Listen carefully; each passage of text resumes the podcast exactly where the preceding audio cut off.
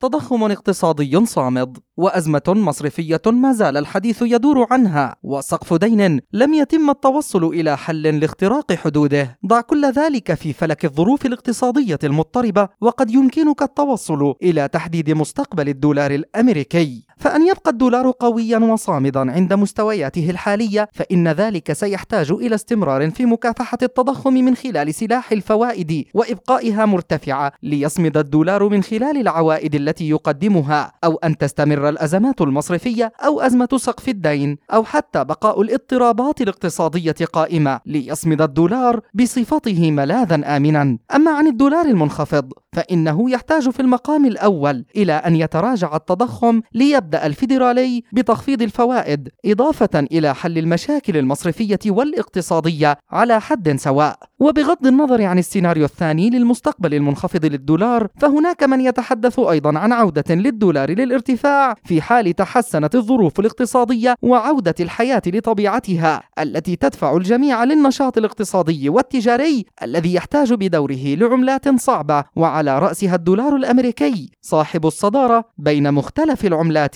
حول العالم. مجد النوري لشبكة أجيال الإذاعية.